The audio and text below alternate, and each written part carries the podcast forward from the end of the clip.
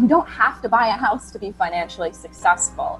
You know, personal finance is just that it's personal. So, although buying a house, sure, it definitely has some upsides, it's not necessarily a guarantee for financial success, though.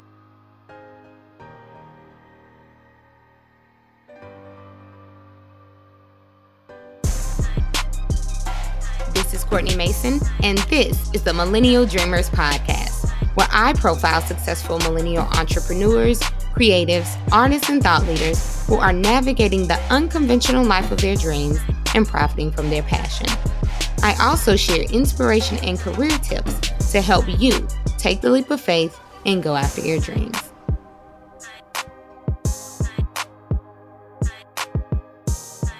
Millennial Dreamers. Today on the podcast, we have Fiona of the Millennial Money Woman, a finance blog that provides practical financial advice that will help us move closer to our financial freedom. Fiona, welcome to the podcast. Courtney, thank you so much for having me. I really appreciate it. I'm so excited. I think I just previously mentioned, you know, as we were talking before we started recording, that I'm so excited to have these conversations about finances because so many people have mentioned that they're having struggles with just all things finance and i know that i can certainly use any information that helps in that regard as well. So um, before we hop into the questions can you tell us a little bit about your background and how you got involved in finance? Yeah i'd love to.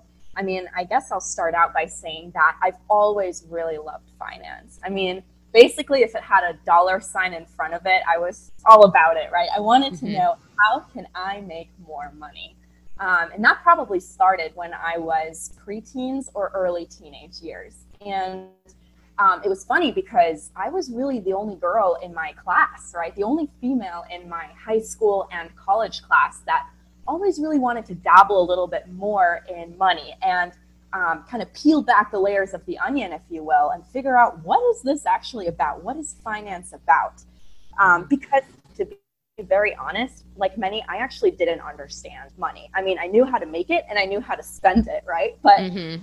anything in between, I really didn't know. And I think the fact that I had this, or I knew I had this void of knowledge, kind of drove me to uh, find out more, right, to get into finance. So I ended up um, becoming a financial planner and I got my CFP, which stands for Certified Financial Planner. That's kind of like a finance ninja, if you will. And um, I also earned my Master's of Science in Personal Financial Planning. And those were kind of, you know, the credentials to really help me understand better what is finance all about. Um, and then, you know, that passion kind of drove me to co found a nonprofit in my local community um, that, you know, focuses on financial literacy mentorship programs because, you know, to be honest, Courtney, there is such a void um, of knowledge, really a lack of knowledge in financial literacy because we really aren't taught the basics in high school or even in college. That's absolutely true. And that's something that I wanted to touch on um, as we continue the discussion. So I'm glad to know that not only are you a financial planner, but you are also doing things within your community to help others understand the things that you've already learned. I think that's amazing because we need more of that. We need more of individuals that are our age who are reaching back and helping to educate those who might not have the resources or might not be in the position to um, get the knowledge that we have. So I think that's awesome. And so I wanted to ask what motivated you to start the Millennial Money Woman website? Sure. Um, so basically, you know, like you said, as I kind of realized through my mentorship program that there was, you know, a lack of knowledge, but there was an interest in it because young professionals millennials and females, obviously, they did want to know what is money, but they were kind of intimidated because, you know, finance is kind of like a second language. So that kind of made me thinking because I wanted, to, I was already helping in the community, but I wanted to kind of step a little bit further. I wanted to take things further for anyone really to understand finance in a simple and fun way you know, I wanted to kind of break down these seemingly complex topics into a little bit more relatable subject matter and mm-hmm. hopefully put a fun twist on it. So that was kind of the germ, like the uh, the germination of the idea, the seed. And once the pandemic really hit um, in early 2020, right, and we all moved online to work, um, that kind of just drove me like, okay, there are so many people right now in our country that are suffering because they lost their jobs. It's really hard to find a job right now in the economy, and you know their savings are basically being depleted, and they're probably needing financial help. So that was kind of the the final push that I needed to start this website, the Millennial Money Woman. And you know, since then, I've just poured my heart and soul into this website, and I love every second of it listeners when you go to the website you'll see that there are so many articles with information that you'll find so easy to digest and understand and with an array of different topics which is what i love. And as you mentioned before you know a lot of young adults feel uninformed about good financial practices or they've tried to find or learn um, find information or learn online but they have encountered misleading information so they aren't really sure what to believe or follow. So i'd like to spend some time debunking some of these money myths as you've called them. Like what would you say are common money myths that millennials should be aware of? Yeah that's that's a great point. You know and like you said courtney there are so many myths out there and there's a lot of false information and you know really being a millennial and obviously also being a young woman in today's society um, we really you know our job is really to filter out that noise because there, i feel like there's so much information coming our way right? Every single second of the day. And we need to make sure we pay attention to figure out how to best make our financial goals become achievable and be accomplished. So um, you know, basically, I have a few financial myths that I hear over and over again. Um, and the fact the fact of the matter is, there is some truth to those myths, but the majority of it is actually false. So I'll start. I have about five financial myths, and I'll start with the first one. And the first one, I'm sure, has has been you know thrown around quite a few times, and that is that you have to buy a house in order to be financially successful. Mm. And have you heard of that one before? Yes, that the, the push is to buy a house and then, you know, that's your asset or that's an asset that you have. I've heard that a lot. Yes, exactly. And you know, I, I hear it so often thrown around in the finance industry and even my my mentees in my mentorship program, they ask me, you know, do I really need to buy a house? And you know, the fact of the matter is, you don't have to buy a house to be financially successful you know, personal finance is just that it's personal. So, although buying a house, sure, it definitely has some upsides. It's not necessarily a guarantee for financial success, though, because you have to kind of evaluate your own situation. So, you know, for instance, if you like traveling and if you if you don't really have a lot of money in savings right now, well, probably buying a house at this point is not the best idea because, you know, let's face it, buying a house, it's a pretty large asset. It's a pretty big financial commitment and it means long term, right? So let's say, you know, on the other hand, if you have a nice, stable financial or a job really in anything that that brings in a good amount of income and if you feel like you're in a place where you would like to settle you know, and you're at that point in your life where you feel like, yep, this is this is it for me and I'm going to continue working in my career. Sure, maybe a house is the right option for you at that point, but I think a lot of it comes down to two main things. First, are you financially ready for this commitment? And second, are you emotionally ready for this commitment? Mm-hmm. Because a lot of times, you know, finances and emotion are pretty connected because, you know, obviously you're earning this money. It's your hard earned money, your time, your effort, your sweat. And then, you know, 20% is, you know, the typical recommendation for a down payment of a house. So it's, you know, can be thirty, fifty thousand dollars depending on the value of the house. That's an upfront cost to the average home buyer. And not many of us have that sitting in a bank account. So again, buying a house is not necessarily the uh, ticket to financial freedom. the second point is, you know, something I've heard really often is saving can wait for tomorrow. And yeah, I hear it so many times. Ah, you know, tomorrow, today I want to enjoy my life. Tomorrow I can start saving. Tomorrow, tomorrow.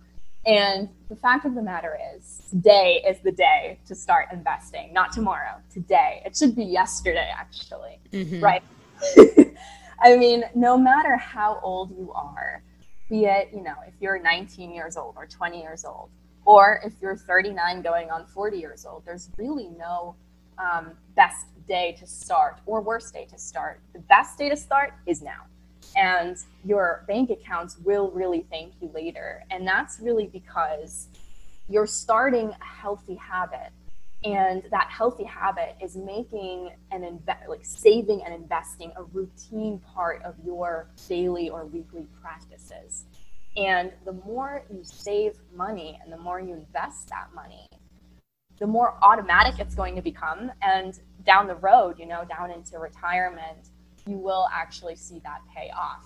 And that's, I think, a really important factor. It's delayed gratification, which means, yes, you might save, let's say, 20 bucks this week and invest it in the stock market, or 100 bucks this week and invest it in the stock market. You won't become a millionaire tomorrow. But in, you know, two decades, three decades, four decades, if you continue investing, there is a possibility that you will likely become a millionaire. And that's because time is on your side as you you know when you're young when you're a young professional starting out you're starting to make that income paying off that debt that's when you start investing. And you know analyses have actually shown when you start when you're 20 or 25 or 30 even because of that time factor you actually have to save less per day or per week compared to someone who starts 20 years later.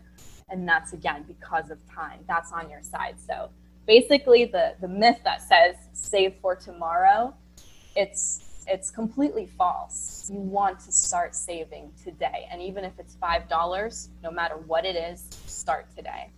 Got it. Glad i'm i'm not spending all my money on pumpkin spice lattes. I held off on this. So so i'm doing well. Okay got it. Doing really well. Yeah and you know you know the practices you don't have to completely give up you know set, your entire Starbucks spending. That's not what I'm here to, you know, preach about or whatnot.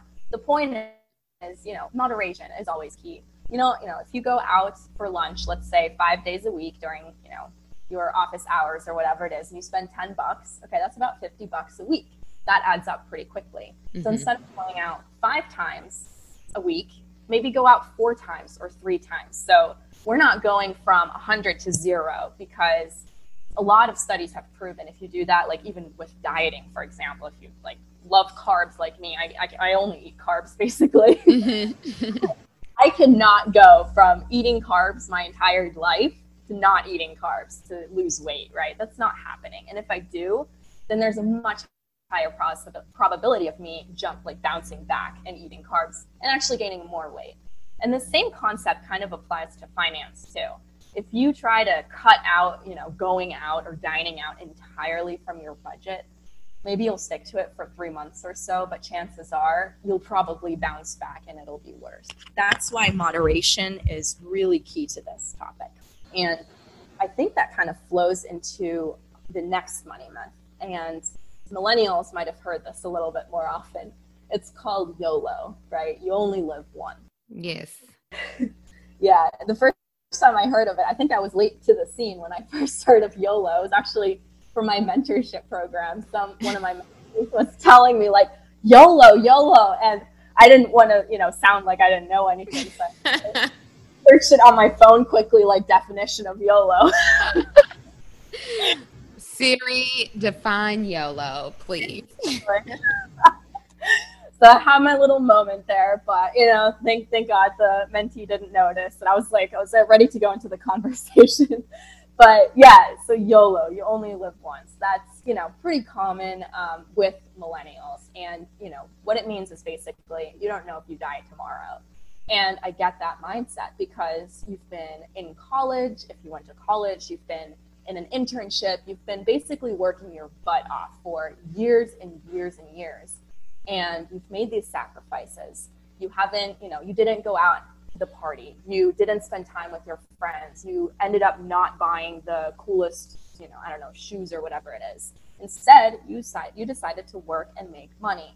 And at some point, you also want to take advantage of that because let's face it, you deserve it too at some point.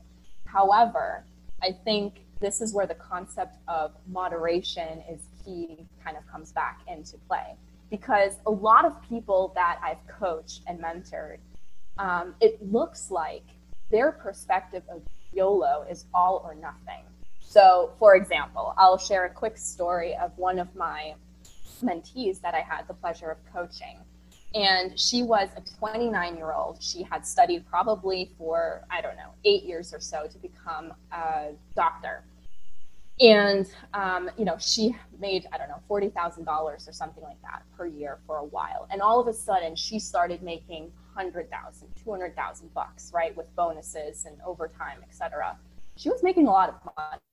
And instead of, you know, saving, maybe paying off some of that student debt, she bought a beautiful Audi, very, very expensive, brand new Audi. Gorgeous car, but is it the best financial decision? No, probably not. When I asked her why, she said, you know, same thing like I'm sure many said would say in this situation, and that is, I worked all my life. Why should I not, you know, spend on spend it, my money on something that would bring me pleasure? And mm-hmm. I get that. But at the same time, you want to dial it back a little bit. You know, instead of buying a new car, maybe buy a used car. So you kind of get that depreciation out of the way. And what I mean by that is a new car that's maybe $70,000 typically depreciates 20 to 30% the second you drive it off the parking lot. Now, if you buy a used car, you know, maybe two, three years old, it's, you know, has a few miles on it, a few thousand miles on it, but you'll probably get that nice car for mm-hmm. maybe thousand dollars, right? And you get to save thirty thousand bucks, which is nice. Who doesn't want to save thirty thousand bucks? Right. So the basic thing is, yes, of course, enjoy your life because life is short. Let's face it. But you want to make sure you have that moderation. And my typical suggestion is take about 10 to 15% of your annual income and move that into a fun money bucket. Like that's literally what I call it. I label it a fun money account. So, you know, you can use that money for spending on, I don't know, gifts, clothes, vacations, travel, whatever it is. But once that fun money bucket or savings account is depleted, that's it. You know, you can't keep going and can't keep spending more. So you're kind of placing these limitations on yourself in an effort to kind of limit the YOLO aspect and that's an exercise in discipline as well because i love the idea of a fun money account and to think that once it's all gone then it's like well you know you have to wait till you save till you save up a little bit more and then you can continue on um, it just means that we have to exercise more discipline and know that we're not saying that you can't have fun and do things and all of that but yolo in moderation i like that that's exactly right, Courtney. You got it.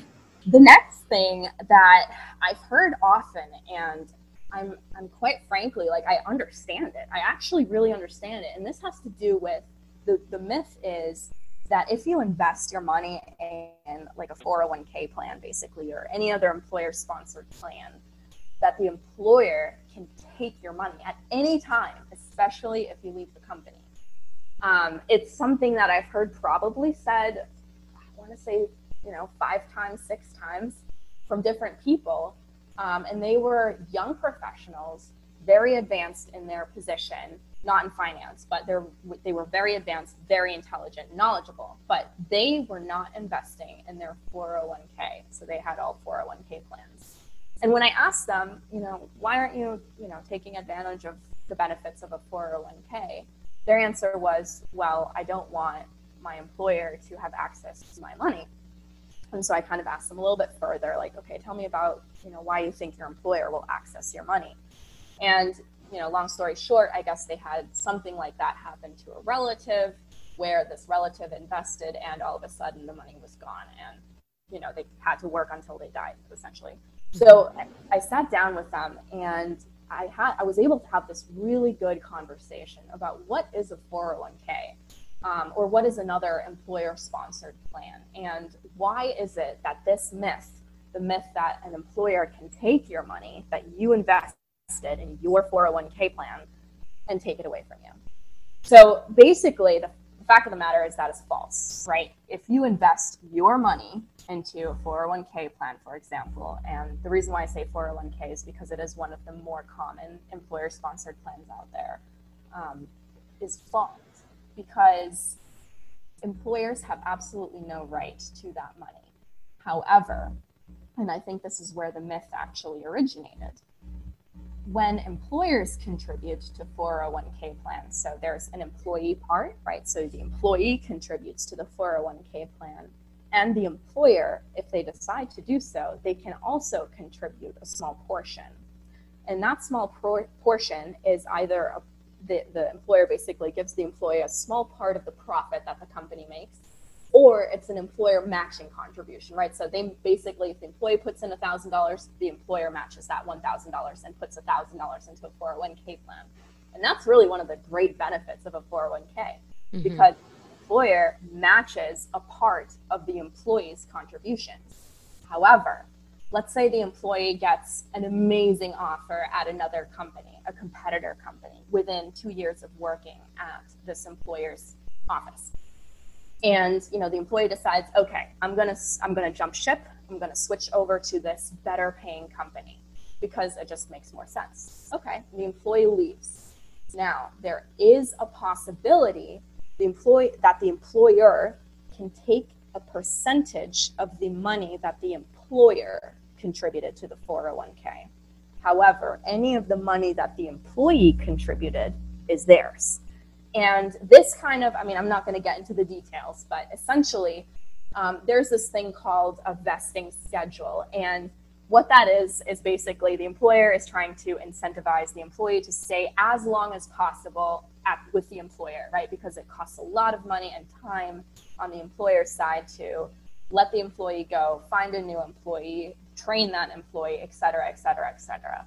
So the employer is trying to keep the employee with the company. And if the employee does leave early, let's say within, you know, three years, four years, something like that, there is a possibility that the employer could take a small percentage of their contributions back. It typically isn't all, but it is a small percentage. Um, but that is really the most common reason why this myth originates. Um, but you know, I think in in general, you should never hesitate to invest in a plan like a 401k, for example, just because it is investing for your future. It's investing for your and potentially your partner's financial goals, right, or your family's financial goals. Um, and typically, if you're lucky, you know, and you have an employer that does provide a matching contribution, the employer will add you know, be it a few hundred or a few thousand dollars to your investment account. And over time, that is just going to grow. Um, so definitely take advantage of that. Got it. Okay. And, you know, finally, the last myth that I would love to debunk is life insurance. I'm sure everyone has kind of had their thoughts about life insurance. Have you heard anyone, Courtney, say anything? I've heard on both sides. Some people will say why they don't want to get life insurance, but I've also heard different life insurance brokers or agents kind of give their spiel about why it's important to have. So I'm glad that is one of the myths that you're debunking so that we can get some clarity on that because I've I've heard arguments both ways. Definitely, yeah. There's I feel like there's such a big tug of war there for and against life insurance. So um, yeah, definitely think it's a good thing to bring up. So, the basic concept of life insurance is um, basically you buy a policy, a life insurance policy on your life or on someone else's life. And there's this thing called a death benefit. And a death benefit is essentially when you pass away, your beneficiary, whoever that is, you can you can designate anyone, your next door neighbor or your spouse. And when you pass, that beneficiary will receive that death benefit on your life insurance and it'll be tax free. And that's one of the really cool things about life insurance, right? It's tax free. Um, not many things are tax free. So mm-hmm. that's why a lot of people like that, that aspect about it. But it's also a little bit morbid because it, you know, stems on the fact that you pass away and no one likes talking about their own death. And I get right. that. So life insurance, there are many, many different products out there there are there's something called a whole life insurance policy there is something called a term life insurance policy there's something called a universal life insurance policy it goes on and on and on and courtney i think the reason why they do that is to make people purposefully confused i can personally say that i at, at some point was like I'm, I'm not really sure which one is the best option so yeah it does make one confused Definitely, yeah. And when I first started working in finance, I was also of the same mindset. I'm like, how am I supposed to keep these apart? It's so difficult. But um, basically, here's the thing when you need life insurance, there, there are certain points in your life where life insurance is pretty much a must, but it's about the type of life insurance where you need to be careful. So let me start in the first part. When do you actually need life insurance? And the answers depend on who is depending on you financially. So, for example, let's say you're a millennial who is 29 and you're not married, you don't have kids, it's just you, and that's it. Well, guess what? You don't need life insurance because if you pass away, then there is no one that is dependent on you financially. Okay, that's good. Now let's say you are, you know, a 32 year old millennial who has a partner, but you're the breadwinner, and the partner also earns money, but your income is higher, and they kind of need your income to afford your lifestyle, your living expenses. In that case, yes, you do need life insurance. Now, let's say the third scenario you have a child. That is 100% guaranteed you need life insurance um, because obviously the child is likely to go to college or university. The child is obviously going to have living expenses in addition to your own. So you want to basically provide for your family in the case something should happen to you. Um, and now comes the question what type of life insurance is right for you? And this is where I think the myth kind of originates from the fact that life insurance is a waste of money. Because I'm going to be very honest, life insurance is a waste of your money if you decide to go, for example, with a whole life insurance policy or a universal life insurance policy, and you're a young millennial and you don't have enough income, or you are okay investing in the stock market. And the reason why I say that is because whole life insurance, it's a good product, but maybe not the right product for millennials. And that's because whole life is very, very, very expensive. So for example, for a death benefit of, let's say, $100,000, you typically pay a few thousand dollars a year to keep that life insurance policy for a whole life. A few mm-hmm. thousand dollars. It is really expensive. And to be very honest, most millennials don't make that amount of money where they have an extra 3000 a year lying around to pay for life insurance. I know I wouldn't want to do that. so, you know, then there's this other life insurance product, and that's called term life insurance term life, kind of like the name states, is only for a part, only for a term in your life. So it only covers, let's say, 30 years of your lifespan. After 30 years are up, poof, it evaporates. You know, basically the money you've been paying into this term life policy goes away. However, it's really, really, really cheap. So, and it's exactly for that reason because it goes away after 30 years. Whole life, which I didn't mention at first, actually stays for your entire life. So it's for a lifetime of insurance. Term life is not. And that's why it's cheaper. So for a $100,000 death benefit, you know, you'd probably be paying at, you know, maybe age 30, 31, you'd probably pay 50 bucks a, a year for that. So it's really cheap, 50 bucks, 100 bucks versus $2,000, right? So it's a lot more affordable for young families. So you know, basically, you want to look at your own profile to figure out whether or not life insurance is the right match for you. Because you know, again, if you're single, if you don't have anyone depending on you for income, no, you don't need it. It is a waste of money. But if you do have kids or if you have a partner that is depending on you for income, it might be time to start looking at life insurance. And the reason why I say that to millennials specifically is because the younger you are, the more likely that the cost of your life insurance, that's known as a premium, right, how much you pay or the cost of it, um, will be will be much much lower than if you're older, and that's because that has to do with health. So basically, the life insurance companies they want to uh, insure themselves against the risk of you passing away. The older you are, the higher the risk of you passing away, which means the life insurance company will have to pay out a death benefit, and they don't want to do that, right?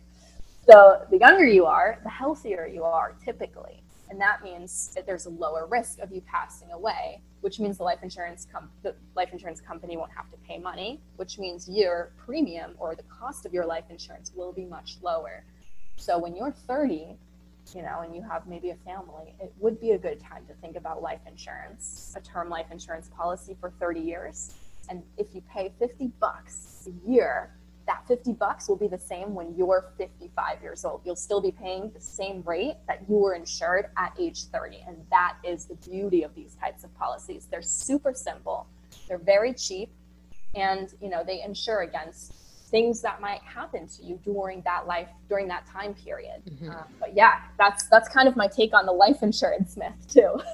Well, that that certainly helps, and it ironically, I've heard all of these myths before, and like I said initially, it's like misleading information that you can hear from conversations with other young adults or listening and saying, "Hey, I'm going to take a Google search and try to find out some information on my own." And then there's all these different articles with varying information. So that was super helpful, and I'm glad you provided the opposite side or the truth for those myths because that was something that I wanted to know as well. Like, what were the truths for are related to these myths? So, thank you for addressing that as well. And also on your website, I read an article entitled 10 Personal Finance Tips for Millennials, which you've talked about some, but are there any that you would consider some of the top tips from that particular list?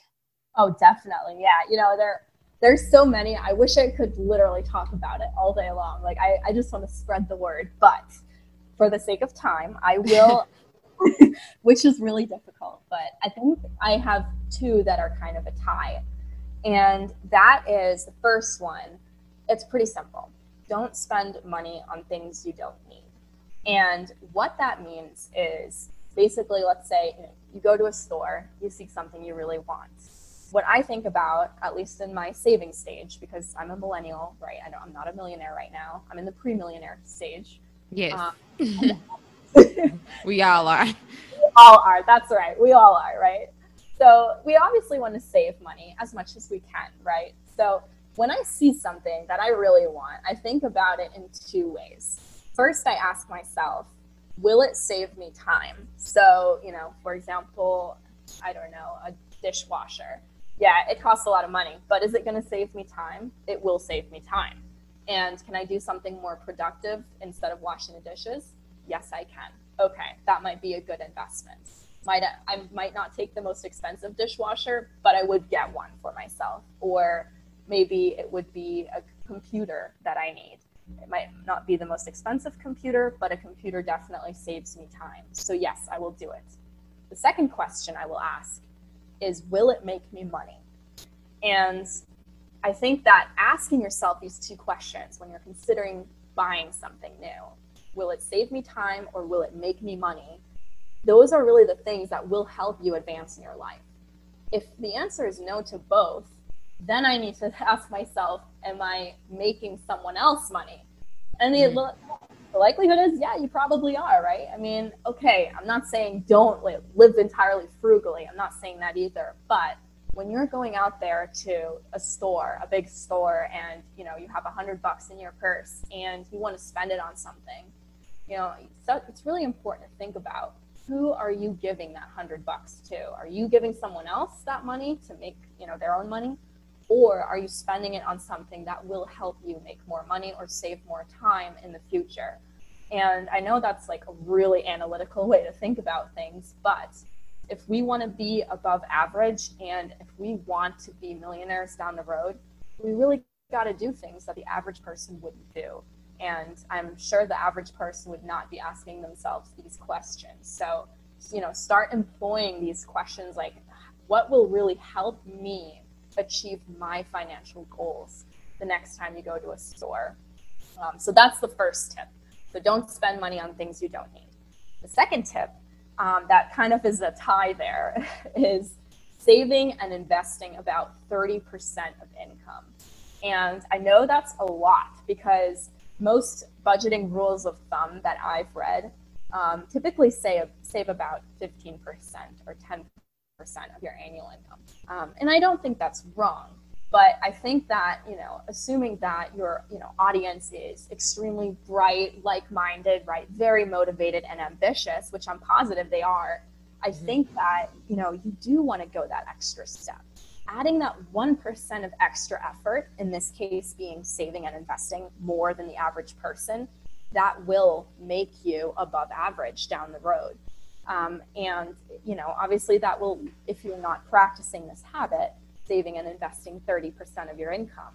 It will definitely require some lifestyle changes, but that's okay because investing and being a millionaire this way, it's a long term game, right? It's not like being a millionaire tomorrow. I'm, I'm not about that. My message is consistency and long term mindset.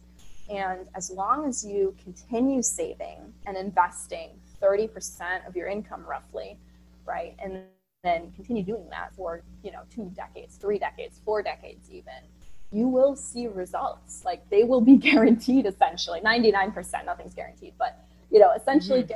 guaranteed and um, again this is something that the average person doesn't do. But if you want to be above average you really got to do something that the average person won't do. So those are definitely my two top tips for young professionals. I love the first one for sure. Thankfully since the pandemic, I've been home and less likely to go out and spend a ton of money, but there is Amazon Prime and there, you know, other ways that, that we can spend money. So now I have to ask myself, is it going to make me money or is it going to save time? I really like that tip specifically because I think that's going to help us to reframe what we think is necessary to buy. It won't be so much impulse buying. At least I know for myself. So I love those. And also, we're considered like the technology driven generation. Um, so we are generally either on our computers all the time or have phones at our disposal or in our hands at you know the majority of the day so with that in mind are there any apps that you think would help us gain control of our finances that we should probably download um, to keep us on track with our financial goals Courtney, you bring up a fantastic point. You're absolutely right. We are a technology driven generation. And let's face it, we're probably on our phone or computer the majority of the day. I know I am. Mm-hmm. I definitely resort to apps on my phone um, and computer. So, my number one app, my go to app, because I think I'm maybe a little bit of a nerd here, I love budgeting and I really love tracking my expenses and my income. And the app that I find that really helps me accomplish this goal is called Mint, M I N T. Um, and it's free, which is also a really cool part. So, Mint is basically one of the top budgeting apps. And I don't think it's just me who's saying that. I think there are other notable um, notification uh, publications out there, excuse me, and they also recommend Mint. And the basics of Mint is they allow you to sync and link your outside accounts. And the app is able to track your income and expenses. So, for example, you can connect your bank account, you can connect your credit card, and you can label expenses like miscellaneous expense, grocery expense, whatever it is. And you're able to actually see on Mint creates this really cool graphic to kind of show when you're going over budget, when you're under budget, Um, and you can kind of dictate that. And I really look at it probably on a daily basis because it really helps me stay in line and in check with my spending pattern, especially pre COVID, like you mentioned earlier. Mm-hmm. I mean, it's, you know, we're basically confined to our homes. So going out is obviously a little bit more difficult, which means there's more money saved. However, it is still a great app to use because you get that visual sense of where your money's going and where it's coming from. And I think a lot of people, at least the ones that I've worked with, they don't actually realize where their money's going. So, what I ask them to do is to literally just write down pen and paper every single day, every cent they spend and they're most of the time really surprised that they spend you know 500 bucks on i don't know wendy's or mcdonald's or another fast food chain a month. And it's like yeah you actually do because with the credit card it's so easy to spend money right? Because all you do is just swipe it boom done. And mm-hmm. with amazon prime too it's literally a click of a button. It's so easy to overspend and that's why I love Mint because you can set notifications. You can really see when you're at your spending limit or if you've overpassed it. And if you have surpassed it in a specific category, such as clothing or whatever it is, you can actually adjust your budget. So maybe you spend less in, I don't know, uh, travel or gasoline or whatever it is. So I think that's really a great app, Mint. The second app that I I personally really enjoy is Ibotta. Um, it's I B O T T A. Um, it's basically for everyday shopping. And the basis of this app is kind of like a cashback app. And you can go and, I don't know, shop at whatever store you want, right? And you get your regular expenses, toilet paper, uh, I don't know, peppers, bananas, whatever it is that you spend money on.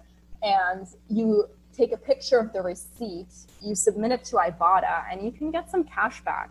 Um, so it's nice because it's not an incentive for shoppers to spend money on things that they normally wouldn't spend money on. It's actually an app for things that you would spend money on any day, every day, basically.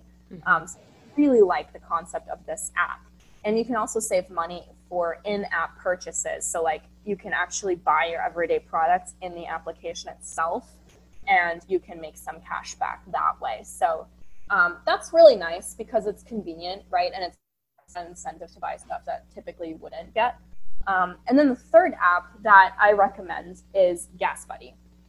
I really like Gas Buddy because I travel a lot myself. So I typically probably spend, I don't know, 40 $40 a week on fuel. So I spend a lot of money 40 50 sometimes $100 a week on fuel. So Gas Buddy really helps me because, um, you know, it kind of pinpoints which gas station is uh, the cheapest in the area. It also helps me kind of avoid the not so nice areas.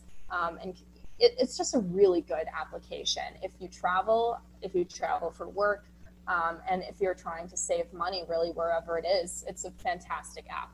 Um, so those are really the top three apps Mint for budgeting, Gas Buddy for fuel, and Ibotta for everyday shopping. Now I'll be downloading.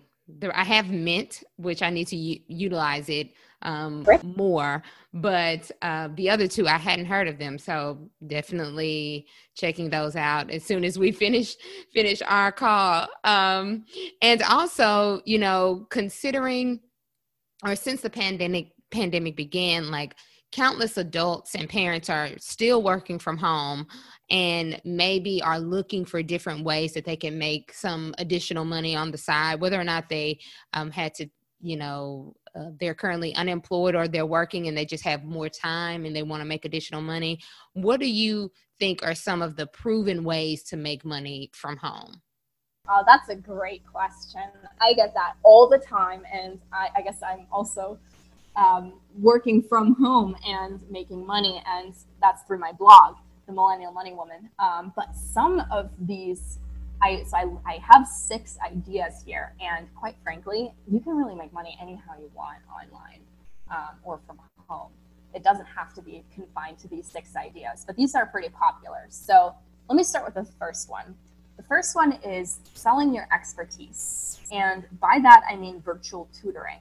So believe it or not, if you are extremely proficient in a certain area, let's say you're proficient in uh, science, yeah, yes, you can actually go online to an online tutoring platform and you can start selling your time and your expertise for students that are looking to learn science. Um, or let's say you ace the SAT or the ACT or the LSAT or whatever it is, and you want to give back and you want to also make some money at home you can become a tutor that specializes in SAT prep, ACT prep, LSAT prep, or whatever it is. Um, online tutors actually can earn between like $32,000 and $62,000 a year pretty easily. So you can actually make it a full time job if you really commit the time to it. So um, mm. there's super high earning potential. I think the average age of an online student is roughly 34, actually. Um, so, oh, wow. I didn't know that either. I looked it up and I'm like, oh my goodness. yeah. That's interesting. So, and you know, there are many different platforms out there that you can sign up to be a tutor. I think there's Chegg Tutors, there's Skooli that's focused, I think, more on STEM uh, tutoring. You know, there's so many, there's so many options out there for online tutoring. So definitely that's one of them. Um, the second way to make money from home is selling your stuff. And by that, I mean your clutter or your unwanted stuff. Um, and you know, selling stuff really does achieve three key aspects. I think it achieves one, downsizing, right? If you want, you have so much stuff and you just, it just like clutters your mind. It does for me at least. Like, I just want to get rid of it. So mm-hmm. instead of mm-hmm. throwing it out, just sell it. You can sell it. Um, and then, you know, obviously you downsize, you can declutter, and you're obviously adding money to your wallet. So those are the three, um, you know, real cool things about selling your old stuff. Um, and there's some platforms out there that I'm sure everyone knows about. So obviously there's eBay, there's Amazon, Craigslist, but I don't really recommend that because I think it's not the best out there. There's Decluttr, that's a platform as well, um, where Decluttr actually pays you for your old items, um, technology items. And then there's Facebook Marketplace, so or your just regular old garage sale. So there's definitely many ways to kind of get, you know, your old stuff out of your house and still make money for that. So I think that's another really good way to earn money. Although it's not going to be forever, right? You can't you can't keep selling and selling and selling until you're not left with anything. Right. your house is bare and you're like, well, I've sold everything. and then uh, the third thing that I was thinking about is, you know, possibly selling your language skills um, in other words, online translation.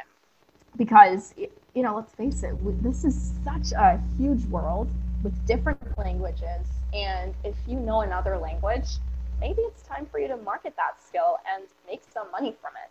So there are, you know, many different languages that would be top paying languages for translators. And I think one of the top paying languages is German um, and not specifically for corporate, um, the, the, corporate sector, because you know a lot of that has to do with finance and um, technology and whatnot. So if you know German, that's a great language. Spanish, obviously, Mandarin's another great language in demand. And um, you know there are many different platforms for translators. Uh, I think Upwork, Gengo, Pro Translating, that's for experts in specific like expert um, subject areas for translation. Uh, so, you know, that is a fantastic area if you're really knowledgeable about a language or if you're a basic beginner in a language. Um, you know, your expert level can kind of vary and you can still make money. Sometimes the money is not as consistent. Um, other times it's really consistent. So it just depends the time, the time of year and the translating platform that you use. But um, like I said, translating is definitely an option to work from home. The fourth uh, category where you can make money from home is selling your writing skills. And that can be anywhere from freelance writing to blogging to ghostwriting. Right? There's so many opportunities out there to literally sit on your computer, construct an essay about something, um, and sell that information. And it's your own words. So I think I did I did some research before this podcast, and you know, obviously I don't want to make the hopes high or up the hopes because the average uh, writer makes about 25 cents per word or less. So that's kind of the average right there. So you don't make that much money. However, once you become a lot more experienced, once you really create a portfolio for yourself and you can kind of share your writing samples with potential employers, right? Um, you can make north of 35 cents per word. And that would amount to probably a thousand dollars, 800 to a thousand dollars per piece that you write. So you, know, you can make some really good money um, if you're proficient in writing and if you enjoy it. Like, I think the key word there is also enjoying writing because I know a lot of people, a lot of my friends, you know, they, they are good at writing, but they hate it. They just absolutely hate it. It's like mm-hmm. drawing words out of them. So you have to like it as well. Um, the fifth thing is selling your experience. And that has to do, for example, with consulting.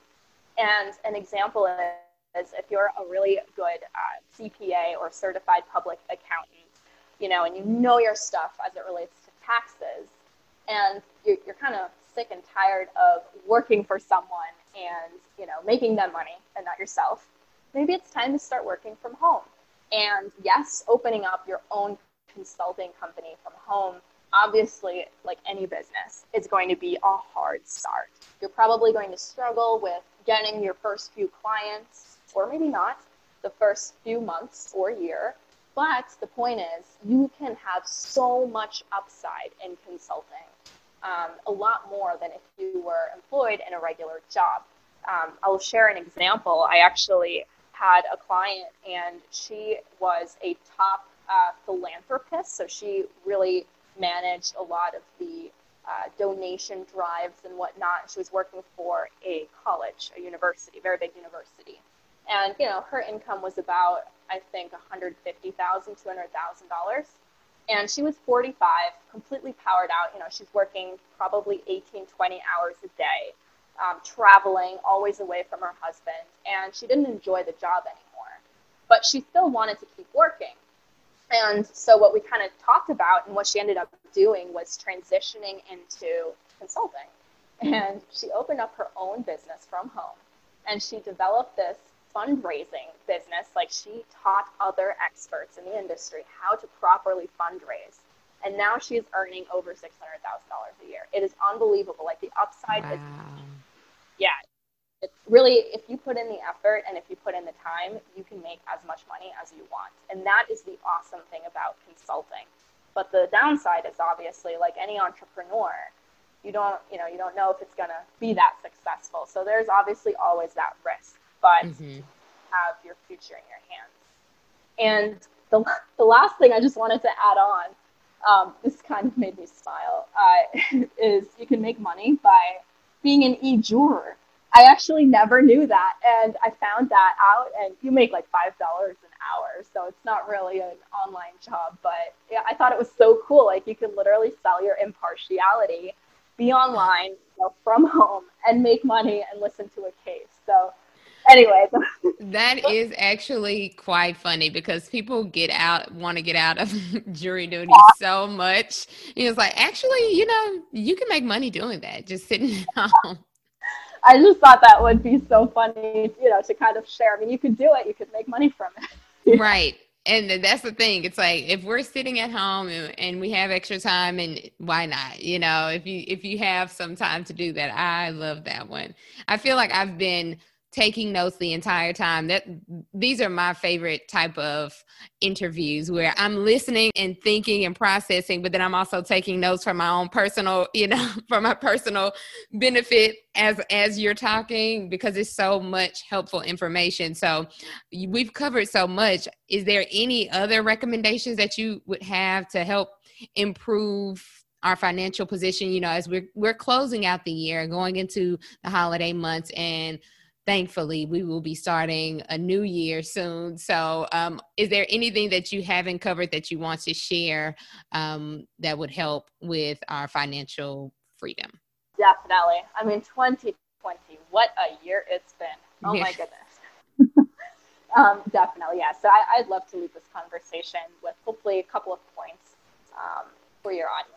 So the you know the first point is try to eliminate bad debt And bad debt is any debt that's high interest. So I'll give you an example that jumps to the top of my mind. That's credit card debt. So if you have, you know, a hundred bucks or ten thousand dollars on your credit card, you want to eliminate as much as possible and get it down to zero. Um, because the, that interest rate on your credit card, it is it can go so high, like 20%, 24% or more. And to give you a little bit of a comparison, you make an average return in the stock market of about 7%. Right? So if you invest your money, that's 7% return. On a credit card, you will have to pay 24% on top of what you already owe. So the first thing first, if you make your holiday bonus and you have credit card debt, put that money toward your credit card debt. You will be doing yourself a huge favor. That's step one. Step two is establish, if you haven't already, an emergency savings fund. And what, what that means is, like the name says, if you have an emergency, such as a flat tire, for, for example, instead of using your credit card and putting debt on that, you have something easy to access, something liquid, right? You literally withdraw money from your, your emergency savings fund, which is a checking or savings account basically, and you move that toward paying a tire, uh, new tire, or whatever it is. The recommendation here is typically have three to six months worth of your living expenses in an emergency savings fund. So whatever it costs you per month to live, multiply that by three or by six, and have that in in cash in an emergency savings fund. Um, the third step is kind of like I said before, invest 30% or more of your income. I really think that's important because, you know, again, retirement, it's, it's retiring without work, if that's your goal, is not always guaranteed because life happens. But the best thing you can do is take control of what you can take control of, and that is your income. And taking 30% of that, if you can, if you can make that possible, you start investing that consistently, consistently every day, every week, every month, whatever it is. Um, and then, really, the last thing that I have on my list, the fourth point, is sticking to a budget. So, um, you know, once you develop kind of a game plan for how much you invest, how much you pay for living expenses, uh, etc., you have to stick to that budget because if you're not consistent with the budget and you overspend one month, right, kind of everything kind of gets thrown off target. And that's where Mint, for example, that app that we spoke about earlier, really comes into play. It just keeps you in check and helps you navigate through the ups and downs of life, really. Uh, but yeah, those are my four tips there. Fiona, this has been such an insightful conversation and one that I hope so many will benefit from. And everyone, I hope you're taking notes and um, can use some of these suggestions to just help us get on track for our millionaire status because we, you know, we're on our way as long as we make effort and are disciplined with what we what we're doing so i thank you so much how can our listeners follow you and learn more about your finance tips and just um, more information on how to move the needle forward. Definitely, yeah. I, mean, I want to say thank you also to you, Courtney, and your audience for having me. I really appreciate it. Um, and you know, you can be happy to follow me on just my website, the millennialmoneywoman.com. Uh, That's my website where weekly I'll be sharing uh, three posts a week, and hopefully, you know, I try to break down those complex topics into something simple and easily understandable. Um, if you have Twitter, feel free to follow me at the millennial, or I'm sorry, at the underscore MMW. Or you can also follow me on Pinterest at just the millennial money woman. Um, and, you know, reach out to me, direct message me, send me an email. My email is also on the millennialmoneywoman.com. Uh, and I'm always happy to respond to any questions. Well, thank you so much. And now you have officially gained a consistent reader in me because I'm just excited to know that I have a portal where I can learn so much of information that I need to know, but in an easily digestible format and, you know, something that's easy to understand. So I will be sharing your website far and wide. And I thank you again. And millennials, we are signing out. Peace.